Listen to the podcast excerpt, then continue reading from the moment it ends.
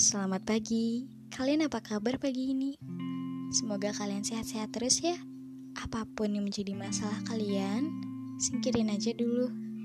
Ada waktunya untuk mikirin masalah. Jangan sampai nyakitin diri sendiri. Kalian harus punya waktu untuk bahagia, karena setiap orang berhak untuk bahagia. Mungkin semesta sedang menciptakan keadaan kalian seperti ini untuk kalian bisa belajar.